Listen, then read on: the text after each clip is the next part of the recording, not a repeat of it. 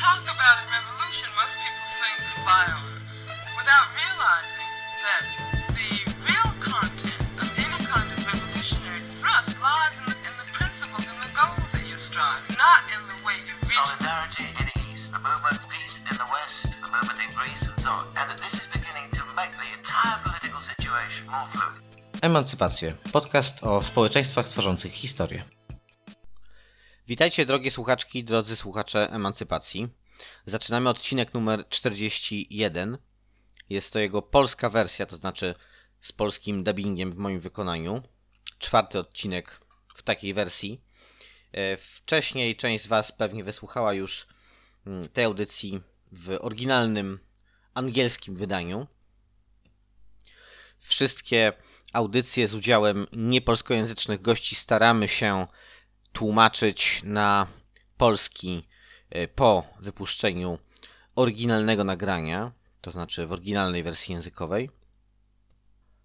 Chcielibyśmy, żeby tak pozostało, aczkolwiek jest to zadanie konsumujące sporo czasu i energii.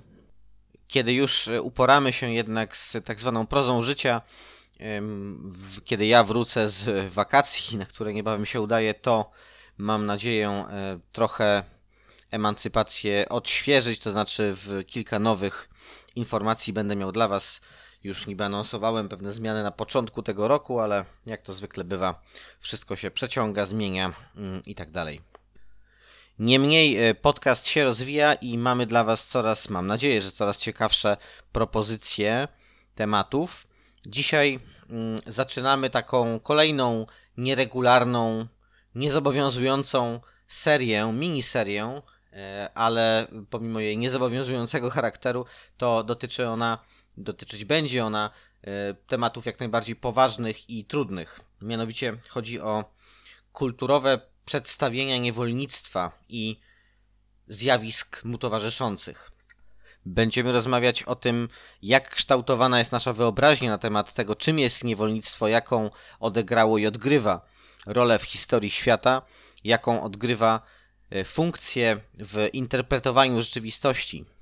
Chciałbym, e, aby ta seria nie była kolejnym sposobem na odgrywanie takiego mm, postkolonialnego teatrzyku żalu, to znaczy taką okazją do wygłaszania różnych pozornie empatycznych komentarzy skierowanych w przeszłość, to znaczy nie chcę, żeby to była okazja do takiego ani do wymądrzania się szczególnego, ani też do użalania się y, białej osoby tak nad mm, straszliwym losem niebiałych niewolników w przeszłości. Chcę pokazać różne konteksty i mam nadzieję nie powtarzać treści, które można znaleźć gdzie indziej, o których można przeczytać coś, obejrzeć mm, w różnych innych miejscach w internecie i nie tylko.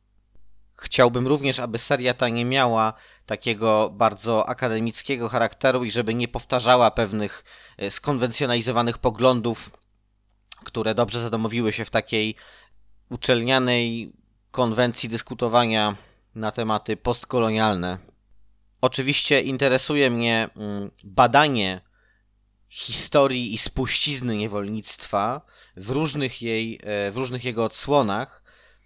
Zatem również do głosów badaczy, badaczek będę sięgał, ale bardziej interesuje mnie przenikanie e, tego tematu, czy jego obecność, stała obecność w różnych tekstach kultury, e, w mm, systemie edukacji i tak dalej. I mówiąc tutaj o niewolnictwie, mam na myśli nie tylko transatlantycki handel e, niewolnikami z Afryki, ale rozmaite formy znane z historii i zaczniemy od, można powiedzieć od końca, no ale to właśnie zwodnicza opinia, bo zaczniemy od rozmowy z Bibianą Kandią, autorką wspaniałej y, powieści Cukier, wydanej y, niedawno, w tym roku przez wydawnictwo Artrage i przetłumaczonej na polski z hiszpańskiego przez Katarzynę Okrasko. Książka ta opowiada o galicyjskich robotnikach rolnych i biednych chłopach e, zwabionych na Kubę do pracy na plantacjach trzciny cukrowej. To pod koniec istnienia transkontynentalnego Imperium Hiszpańskiego, mówimy o końcówce XIX wieku. E, Robotnicy ze spauperyzowanej Galicji, czyli regionu autonomicznego w północno-zachodniej Hiszpanii, e, zostali tam zwabieni w dużej masie e, i przez wiele lat ten proceder mm, trwał.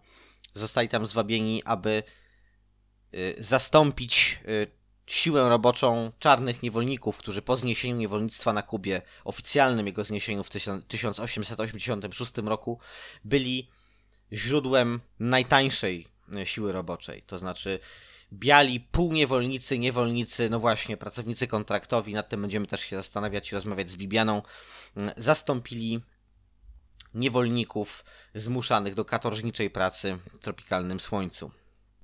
Książka oparta jest na faktach. Autorka wykonała znakomitą robotę, której efektem jest ta y, krótka, lecz niezwykle intensywna, powiedziałbym, powieść. Intensywna, jeśli chodzi o przeżycie czytelnicze. Y, serdecznie Wam ją polecam y, i zapraszam na moją rozmowę z Bibianą Kandią, a potem usłyszycie jeszcze kilka słów na temat przyszłych planów i na temat emancypacji w ogóle. Moją gościnią jest dziś Bibiana Candia, hiszpańska i galicyjska pisarka z A Coruni, obecnie mieszkająca w Berlinie. Jeśli się nie mylę, prawda, Bibiano? Mm, nie, akurat mieszkam w Koruni. Wróciłam do Koruni, ale to bardzo świeża historia. Wróciłam do domu zaledwie przed dwoma miesiącami. Świetnie. Bibiana jest autorką znakomitej powieści Asukre, której tytuł po polsku brzmi Cukier.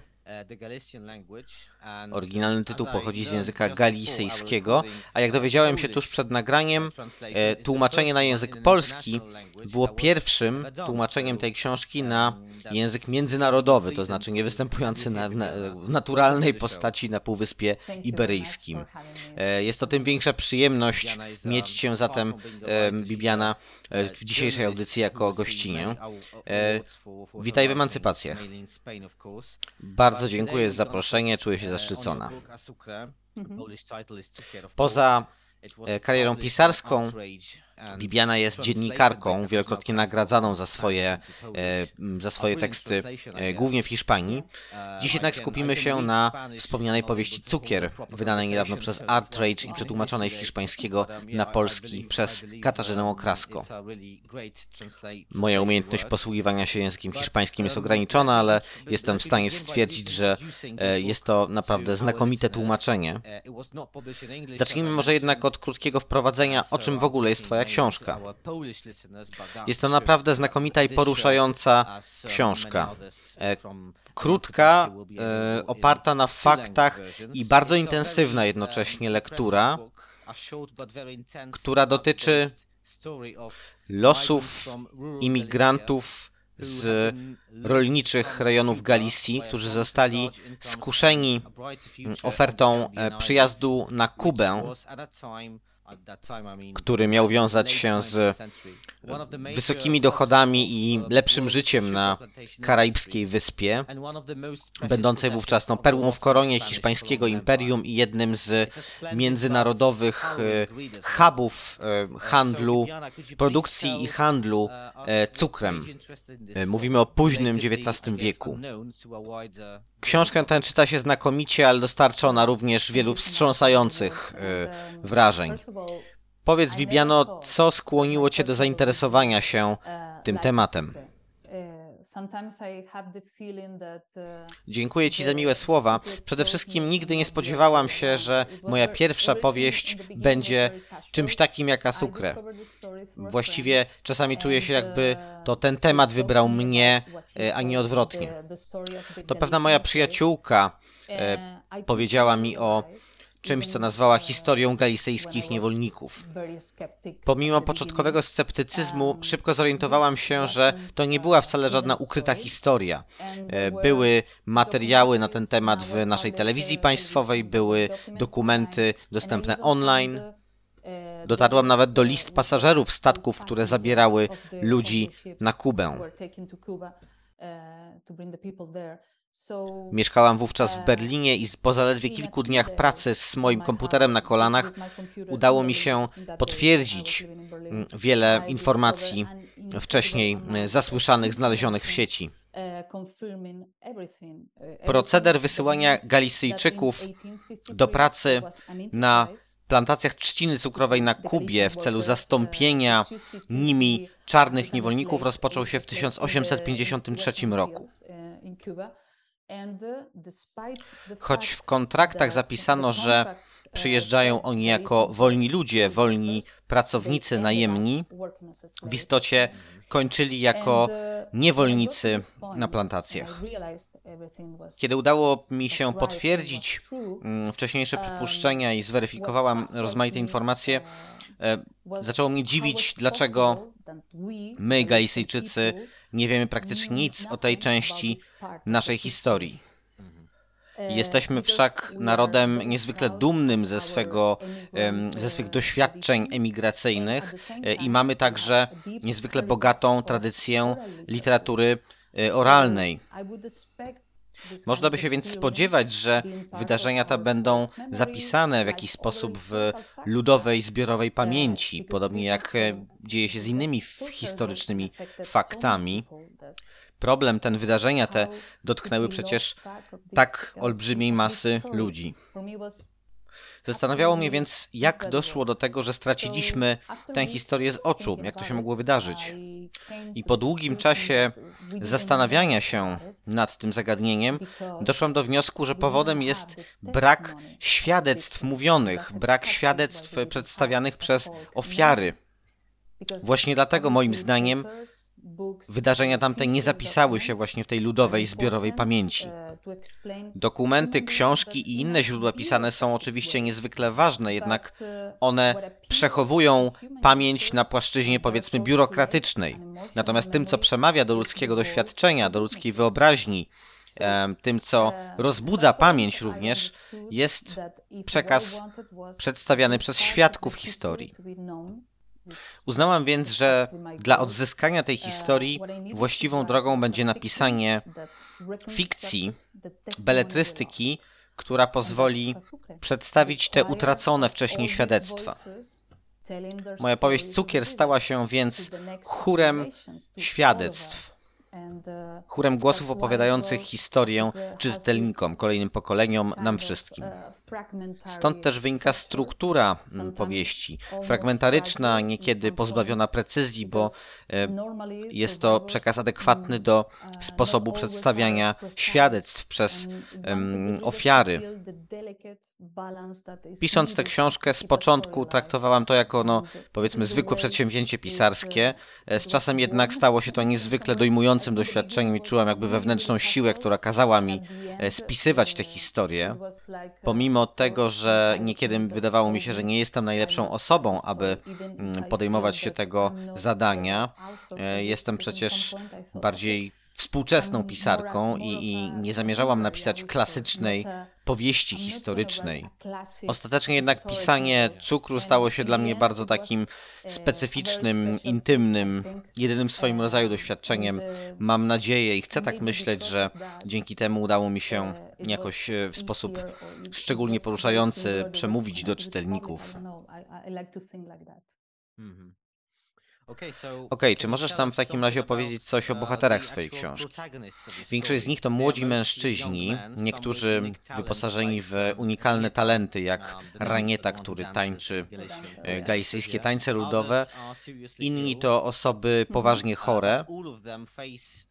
Tym, co ich łączy, jest niebywale niebezpieczne przedsięwzięcie przetrwania e, długiego, groźnego rejsu na Kubę, a potem przetrwanie jeszcze tragiczniejszego horroru pracy na plantacji trzciny cukrowej w palącym tropikalnym słońcu. Czy ci bohaterowie to osoby, które żyły naprawdę? Naprawdę głęboko kocham wiele z tych postaci.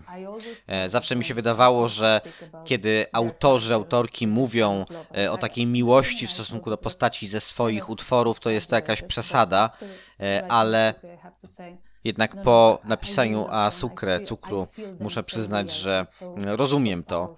Naprawdę czuję taką miłość w stosunku do tych bohaterów i ma to dla mnie wielką moc. E, oryginalna wersja językowa książki ma podtytuł Epopeja. E, wziął się on stąd, że próbując sobie zwizualizować całą tę historię, doszłem do wniosku, że ma ona dla mnie charakter właściwie mityczny. Chodzi mi tu mit w, o mit w najbardziej klasycznym ujęciu. Historię młodego mężczyzny, który żyje w jakimś zapomnianym, deszczowym, biednym e, kraju i pojawia się bogaty i zły osobnik, który zwabia tego biednego mm, do innego kraju, więc ten musi przebyć podróż przez ocean i przybywa na wyspę, gdzie wszystko wydaje się piękne i jasne. Zamiast obietnicy raju, spełnionej obietnicy raju, mamy jednak piekło. To wszystko brzmi niemal biblijnie. Chciałam zachować to uczucie transcendencji, wrażenie transcendencji. Wydawało mi się, że w ten sposób lepiej będę w stanie uhonorować moich bohaterów. Z dostępnych mi dokumentów dowiedziałam się, że bohaterowie, których tutaj nazwaliśmy młodymi mężczyznami, byli w istocie nastolatkami, 14-15-letnimi. Najstarszy miał chyba 23 lata. Większość z nich była też niepiśmienna. Zdałam sobie sprawę, że mój dziadek mógłby być jednym z tych mężczyzn, gdyby urodził się zaledwie kilka pokoleń wcześniej. Mój dziadek urodził się w małej miejscowości, był pracownikiem, robotnikiem rolnym. Uczęszczał do szkoły tylko przez bardzo krótki czas, a w okresie nastoletnim wyjechał do miasta w poszukiwaniu zatrudnienia e, i nigdy nie posiadał e, pracy wymagającej wyższych kwalifikacji. Życie na galicyjskiej wsi od połowy XIX wieku do połowy wieku XX praktycznie się nie zmieniło. Chciałam więc jakoś odzwierciedlić tę ciągłość w książce. Zdałam sobie sprawę z tego, że ja znam tych ludzi, wiem jak się zachowują, wiem jak mówią. E, I nagle w sposób niezwykle naturalny, organiczny, można by rzec, powieść Cukier zaczęła żyć własnym życiem. Ostatecznie zdecydowałam, że nie będę posługiwać się imionami i nazwiskami mm, zaczerpniętymi z list pasażerów statków, które zawoziły robotników na Kubę, bo chciałam mieć swobodę w kreowaniu postaci w taki sposób, aby mogły dać powieści to, czego ona potrzebowała. Chciałam więc zachować pewną swobodę twórczą, jednocześnie e, nie mieć poczucia, że w jakiś sposób zdradzam albo fałszuję losy tych bohaterów. Zatem postacie to całkowicie fikcyjne wytwory, z drugiej strony środowisko historyczne, otoczenie, w którym funkcjonują, jest całkowicie prawdziwe. Ich doświadczenia są prawdziwe. Wszystko, co opisuję w książce, jest zakorzenione w realnym doświadczeniu osób, które znalazły się na Kubie. Sposób, w jaki moi bohaterowie reagują na wydarzenia, które ich spotykają, e, odzwierciedla to, co wiem o sposobie reagowania na pewne rzeczy powszechnym wśród Galicyjczyków. Oczywiście każdy z osobna ma swoją własną specyfikę, swoje unikalne doświadczenia, mają swoje marzenia, swoje traumy. Chciałam, aby czytelnicy, czytelniczki mm, mogły odbierać ich jako prawdziwych ludzi, ludzi z krwi i kości. Przecież kiedy słyszymy, że pod koniec XIX wieku ponad 1700 osób z Galicji trafiło na Kubę, aby pracować niewolniczo na plantacjach trzciny cukrowej, to oczywiście jest szokujące, ale po jakimś czasie no, ginie w gąszczu e, innych danych na temat wydarzeń historycznych czy e, informacji o bieżących, tragicznych wydarzeniach, e, więc łatwo o tym zapomnieć. Moim celem było uświadomić czytelnikom i czytelniczkom, że to nie było tylko w cudzysłowie 1700 osób, ale 1700 istnień, wyjątkowych ludzi połączonych z 1700 innych ludzi, rodzin. Chciałam to przekazać moim e, czytelnikom, czytelniczkom z całą mocą. Zwykliśmy myśleć, że ludzie urodzeni w XIX wieku różnili się od nas niezwykle wyraźnie. Ja myślę, że to nie jest prawdą. Ich podstawowe pragnienia były całkowicie zbieżne z naszymi dzisiejszymi pragnieniami. Chcieli mieć dobrą relację, spokojne życie, dobrą relację ze swoimi bliskimi. Chcieli mieć dom, móc jeść codziennie dosyta. Historia opowiedziana przeze mnie w, w cukrze ma więc bardzo współczesną wymowę, odnosi się również do współczesnych doświadczeń. Wystarczy spojrzeć na to, co dzieje się na Morzu Śródziemnym, na efekty wojny w Ukrainie, czy na um, prześladowania migrantów na granicy e, amerykańsko-meksykańskiej. Przecież to wszystko wynika jakoś z ludzkiej natury, mam do czynienia z pewnymi cyklami historycznymi. Zawsze będą istnieć biedni zdesperowani ludzie szukający lepszego życia i zawsze będą istnieć niegodziwi ludzie pozbawieni jakichkolwiek zasad, chcący wykorzystać nieszczęście innych. Zatem moi bohaterowie są bardzo mocno zakorzenieni w galicyjskiej tożsamości. Chciałam pokazać pewne lokalne konteksty, ale z drugiej strony są to też postacie o wymowie międzynarodowej, by tak powiedzieć. Odnoszą się do doświadczenia osób z wielu krajów. Tak, problem ten jest niezwykle aktualny również w polskim kontekście. Jak zapewne wiesz, na granicy Polski i Białorusi trwa mm, kryzys mm, uchodźczy tak zwany, który jest tak naprawdę serią niezwykle brutalnych wydarzeń. Ja miałem bezpośrednią styczność z nimi. Mm, przez rok działałem na miejscu pomagając e, migrantom, migrantkom. Obecnie trwa u nas taka publicystyczno-społeczna debata debata na temat e, filmu Agnieszki Holland, znanej e, również e, w otoczeniu międzynarodowym, reżyserki, która nakręciła film Zielona Granica, opowiadający o mm, wydarzeniach właśnie na granicy polsko-białoruskiej. Jego siłą jest między innymi połączenie no właśnie ogólnego problemu z historiami konkretnych ludzi, z historiami rodzin, więc to, o czym mówisz, można znakomicie odnieść również do pewnych zjawisk w e, polskiej kulturze, czy komentarzy odnoszących się do pewnych zjawisk e, w polskiej kulturze. Przejdę do mojego kolejnego pytania. Mówiłaś już o tym, ale może mogłabyś ten wątek nieco rozwinąć. W dawnym imperium e, austro-węgierskim e, znajdował się region nazywający się tak samo jak ten, z którego ty pochodzisz, Galicja. Obejmował on tereny południowo-wschodniej Polski oraz zachodniej Ukrainy, oczywiście dzisiejszych terytoriów tych krajów. Termin Galicja bywa też używany w odniesieniu do współczesności, nie tylko w ujęciu historycznym. W każdym razie, chociaż mm, zbieżność nazw Galicja i Galicja jest czysto przypadkowa i niewiele łączyło te regiony kiedykolwiek mm, i odległość geograficzna między nimi jest bardzo znacząca. Natomiast y, tym, co mm, zbliża je do siebie, jest fakt, że w XIX wieku były to rejony peryferyjne dwóch imperiów, dotknięte y, ogromną biedą, Mm, wykluczeniem infrastrukturalnym i e, umyślnym, często zaniedbywaniem przez władze centralne. W związku z tym obydwa te regiony dotknął masowy odpływ ludności chłopskiej. W przypadku tej polsko-ukraińskiej Galicji miliony uchodzących przed głodem, epidemiami i prześladowaniami mm, Polaków, Ukraińców, Żydów, Rusinów i przedstawicieli wielu innych e, narodów po zdobyciu za wszelkie pieniądze, jakie mogli tylko zgromadzić biletów na statki do e, Ameryki, Ameryki wypływające z europejskich portów, no dało początek mm, diasporom e, w całej e, Ameryce. Podobny los był udziałem Galicyjczyków, już nie wspominając o innych e, narodach, które szukały lepszego życia za oceanem. Ale powiedz, jak to dziedzictwo, czy to dziedzictwo ma znaczenie dla współczesnych tożsamości w Galicji? Tak, mają olbrzymie znaczenie.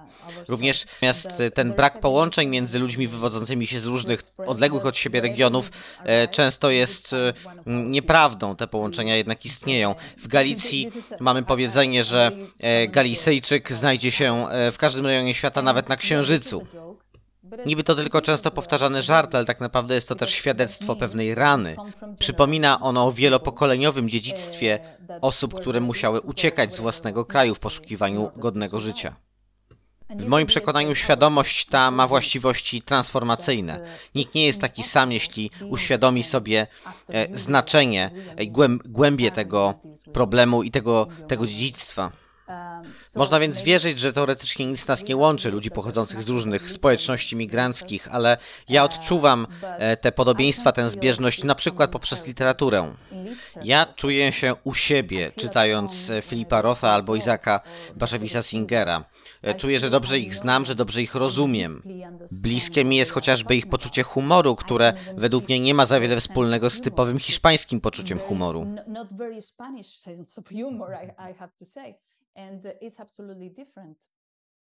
Czuję się więc u siebie, tak jak powiedziałem, czytając e, ich literaturę.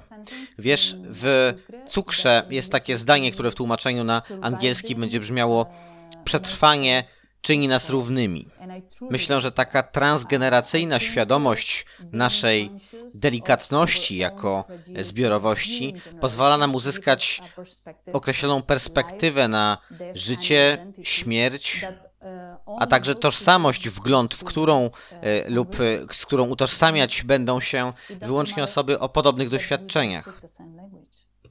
Fakt, że mówimy różnymi językami, nie ma tutaj znaczenia. To coś głębszego. To pewne uczucie.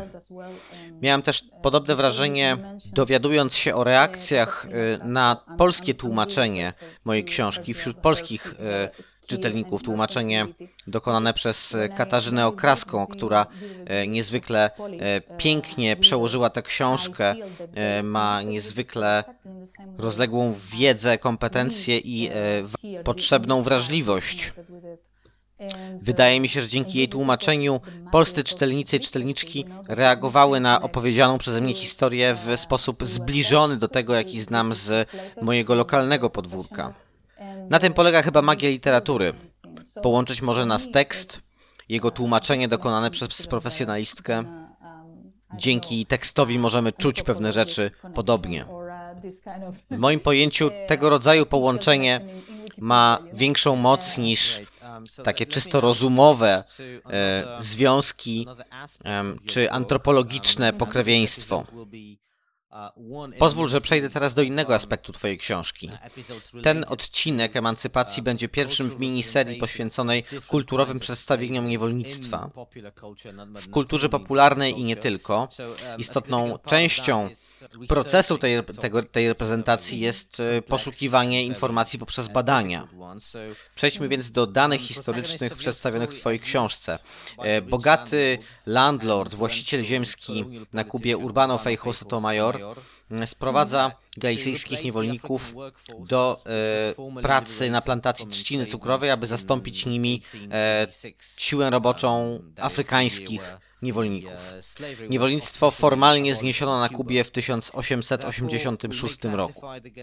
Opisywanych przez siebie galicyjskich imigrantów możemy nazwać osobami świadczącymi służbę czy też pracę kontraktową lub też niewolę kontraktową w ramach niewoli kontraktowej. Czyli jest to typ stosunku pracy, w którym e, robotnik przyjeżdża na plantację, w tym przypadku plantację z własnej woli, ale poddany e, niesłychanej presji ekonomicznej i zgadza się on pracować bez właściwego wynagrodzenia, lecz raczej w celu e, spłaty uprzednio nałożonego na niego długu. Istniało wiele wariantów e, tej relacji. E, jedne były bardziej brutalne od innych.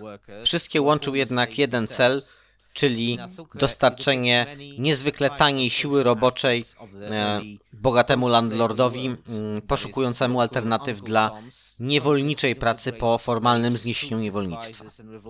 Wielu z nowych wolnych pracowników było w rzeczywistości mm, byłymi niewolnikami, ty w swojej powieści e, pokazujesz bardzo wiele typów e, aktorów społecznych e, w tym ekosystemie plantacyjnym, więc są tam lokalni wujowie Tomowie, by tak powiedzieć, są zrewoltowani niewolnicy, są chciwi landlordzi, są również brutalni nadzorcy. Czy możesz powiedzieć dwa słowa o tym, jak zdobywałaś informacje, na czym polegały Twoje badania, z jakich źródeł korzystałaś? Zdobywanie tej wiedzy to był długi proces. Przebiegał on na linii od ogółu do szczegółu, do najdrobniejszych detali właściwie. o tych typach aktorów społecznych, jak powiedziałaś, mm, uczyłam się pod koniec tego procesu. E, Zresztą była to jego najprzyjemniejsza część, mówiąc szczerze. Usiłowałem zrekonstruować codzienne życie mm, na Kubie w tamtym czasie, na Kubie i w Galicji również. To była rzecz kluczowa dla wytworzenia szczególnej atmosfery powieści. Czytałam wiele gazet z tamtego okresu, na przykład scena, w której Galicyjczycy przybywają e, na, do Hawany i dostają nowe uniformy. E, Wydarzyła się naprawdę. Wyczytałam e, to w gazecie kubańskiej z tamtego okresu. Ważne były również relacje podróżników. Na szczęście znalazłam wiele bardzo interesujących świadectw tego typu, bardzo e, szczegółowych. Pierwszym, które miało dla mnie szczególne znaczenie, były pisma Frederiki Bremer, szwedzkiej feministki i abolicjonistki. Odbyła ona podróż z południa Stanów Zjednoczonych do Hawany, gdzie pozostawała przez jakiś czas, a następnie a następnie odwiedziła kilka wielkich plantacji i została na ich terenie na jakiś czas. Drugie zaś świadectwo pochodzi od Ramona de la Sagry, przyrodnika i członka hiszpańskiego kongresu, który napisał niezwykle e, szczegółowy memuar z tej podróży. Jego bardzo techniczne kroniki dały mi wgląd w działanie e, sił e, wytwórczych i relacji społecznych na Kubie w tamtym czasie. Co do wspomnianych przez Ciebie kontraktów, umów zawieranych z Galicyjczykami, to była bardzo skomplikowana sprawa. To prawda, zniewolnictwo na Kubie zniesiono oficjalnie w 1886 roku, jednak już od lat 40. XIX wieku właściciele ziemscy na Kubie e, prosili hiszpański rząd kolonialny, e, aby zaprzestał czy też ograniczył em, handel niewolnikami, e, dostawy, by tak powiedzieć, czarnej siły roboczej na wyspę, ponieważ wzrost populacji czarnych niewolników rodził e, poważne obawy przed rewoltą.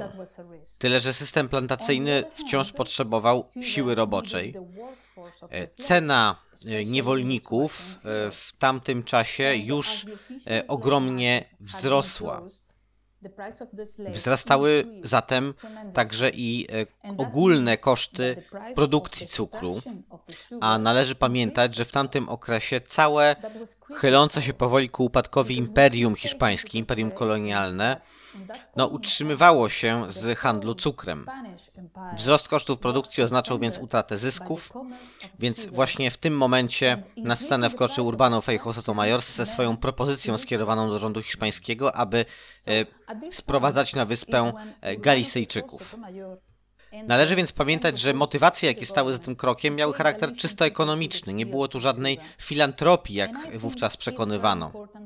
W umowach podsuwanym Galicyjczykom do podpisania wskazywano wprost, że sygnatariusz zgadza się na podjęcie pracy za stawkę niższą niż normalnie oferowana i że przystaje na to rozwiązanie i nie zgłasza do niego żadnych zastrzeżeń.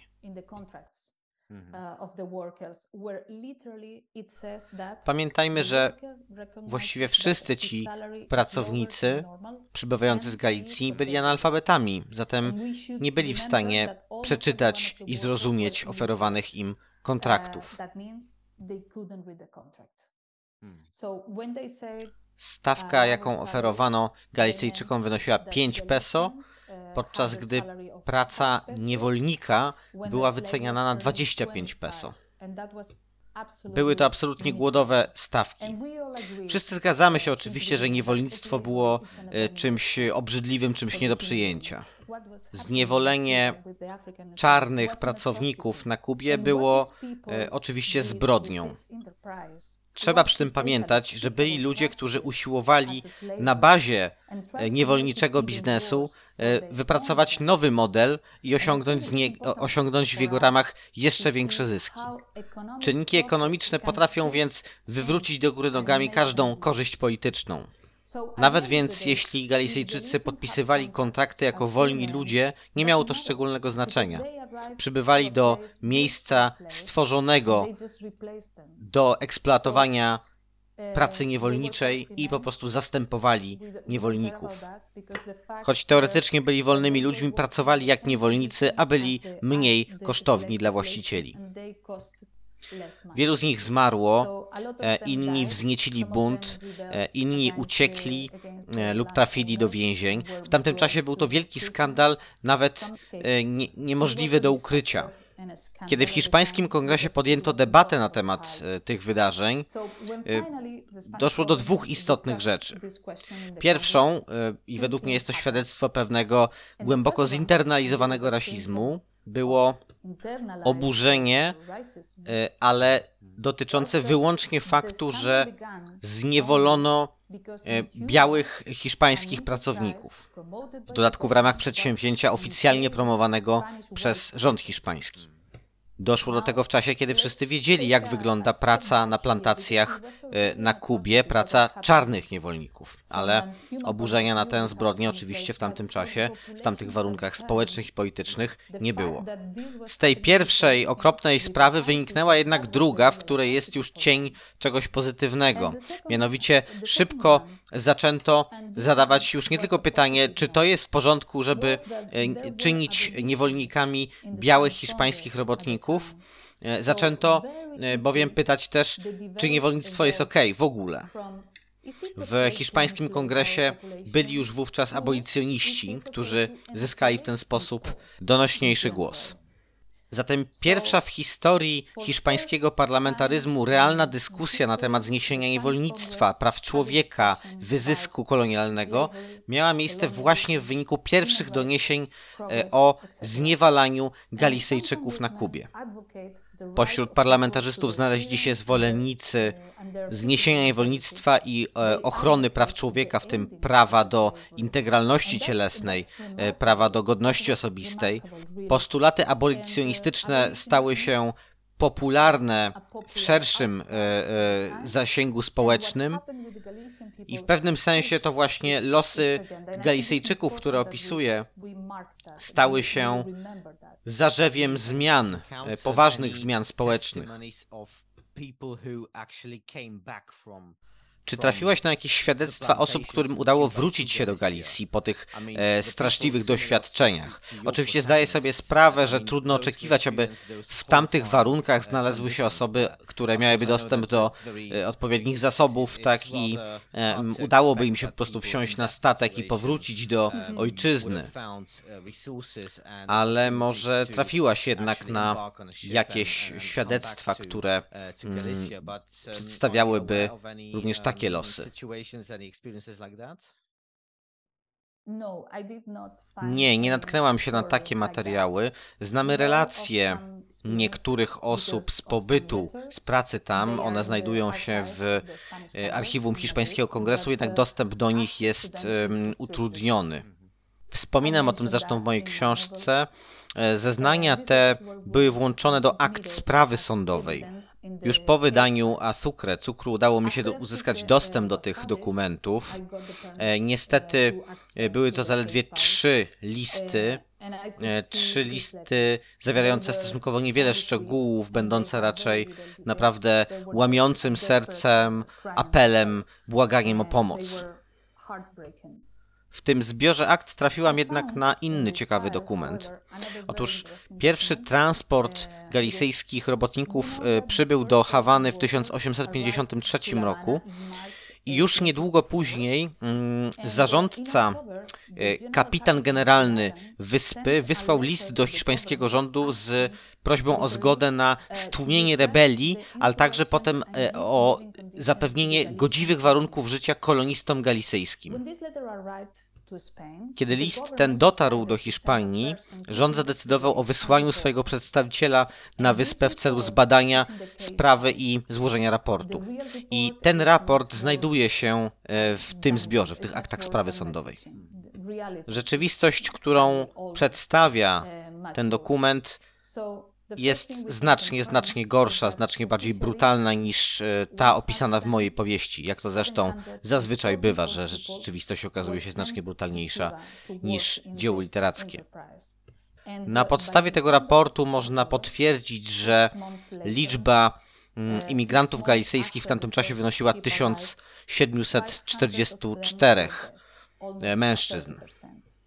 Zaś już w 6 miesięcy po przybyciu tej pierwszej grupy e, ponad 5, ponad 500 osób, czyli ponad 30% z nich było już martwych.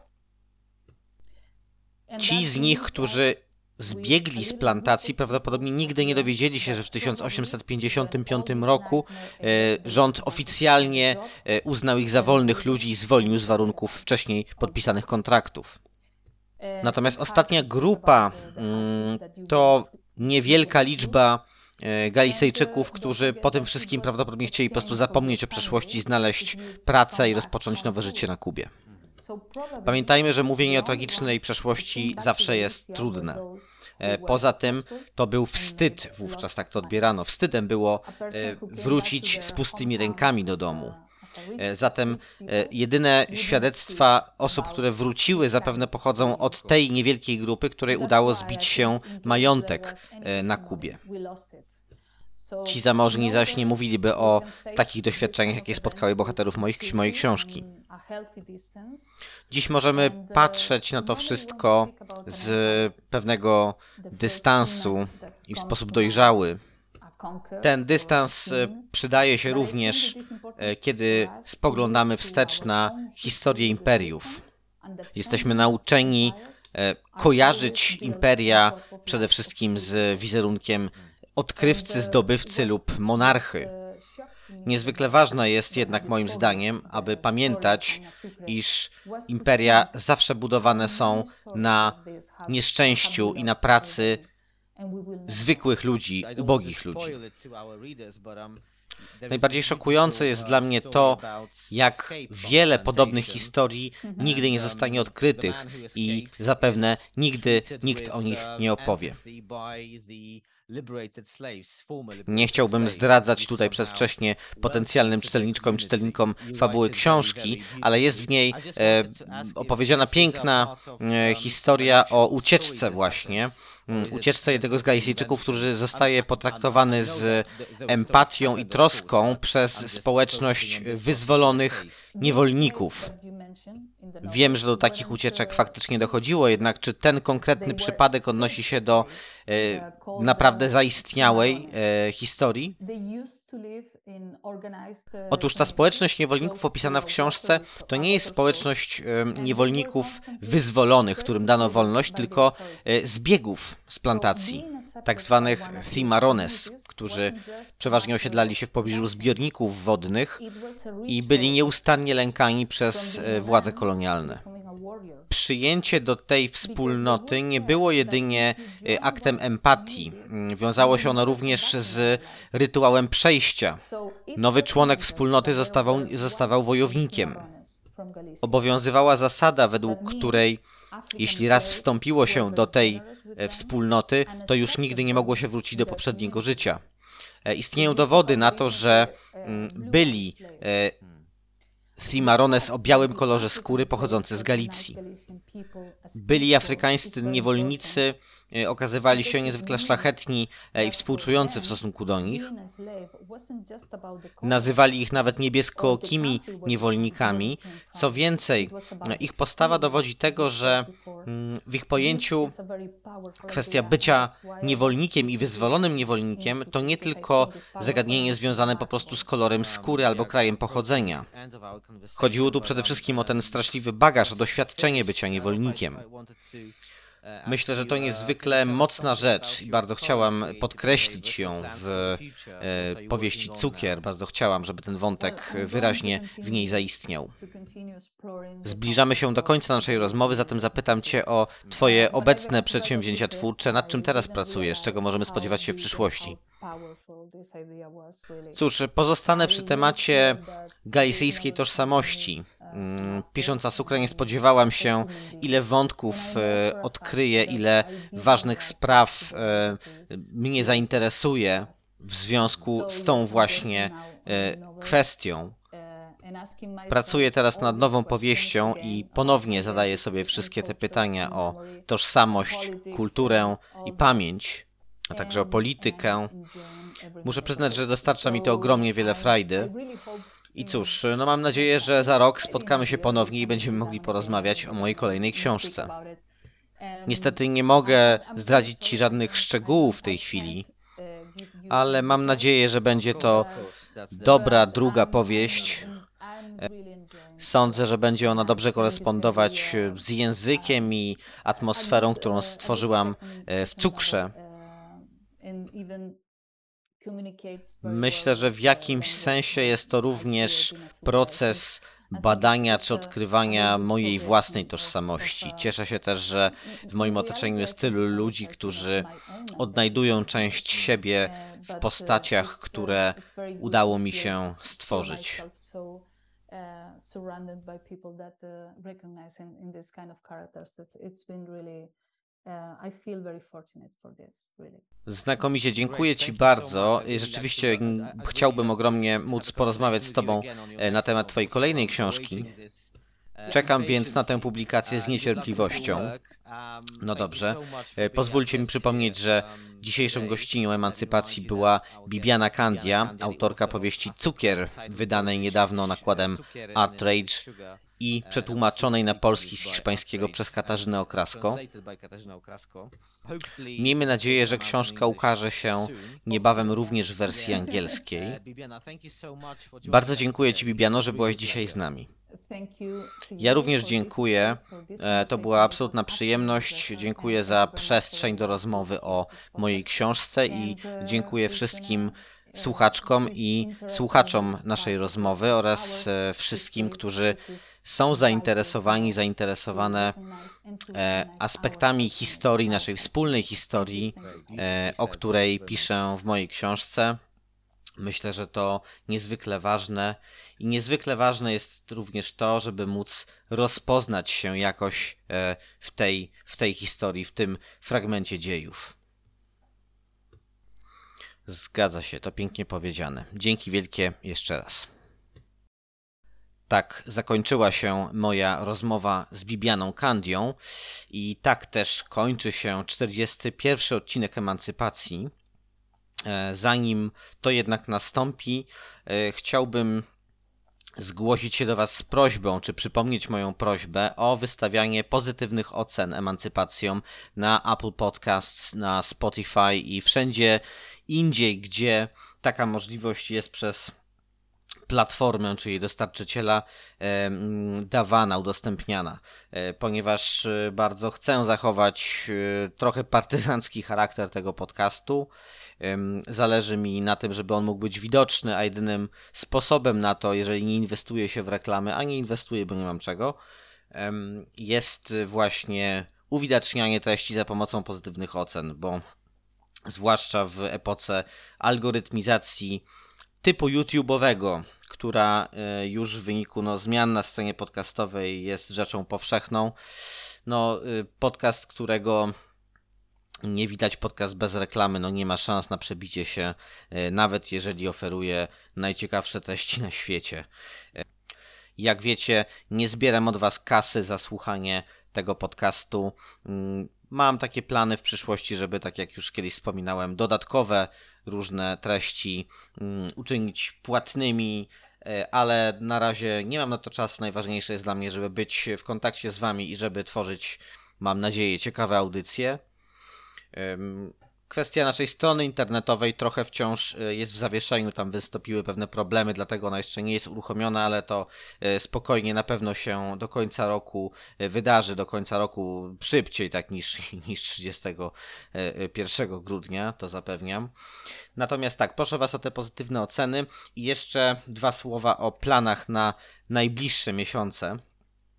Niestety tutaj kwestie grafików moich e, e, kalendarzy, moich e, gości pierwotnie już potwierdzonych, tak, do kolejnych odcinków niestety trochę się pozmieniały, w związku z czym cykl, mini cykl o połączeniach między mm, duchowością, wiarą religijną, a aktywizmem lewicowym, ten moduł, miniseria jakkolwiek to nazwiemy, mm, na razie musi zostać przesunięty Zatem e, będziemy mieli Wam do zaproponowania trochę inne treści w najbliższych miesiącach, ale postaramy się utrzymać e, ten comiesięczny cykl, jeśli chodzi o wypuszczanie nowych, nowych odcinków. Zatem trzymajcie rękę na pulsie, będą wersje i polskie, i angielskie. Mam nadzieję, że równie ciekawe jak moja rozmowa z Bibianą. Jeśli macie jakieś uwagi, sugestie, propozycje, pamiętajcie, że możecie kontaktować się z nami przez Facebooka, przez Instagram też, chociaż nie jesteśmy szczególnie zainteresowani, żeby e, tam bardzo mocno istnieć. Możecie pisać też maile na emancypację. Zapraszam Was do kontaktu. E, no dobrze, to już koniec 41 odcinka. Bądźcie zdrowe i zdrowi. Do usłyszenia już niedługo.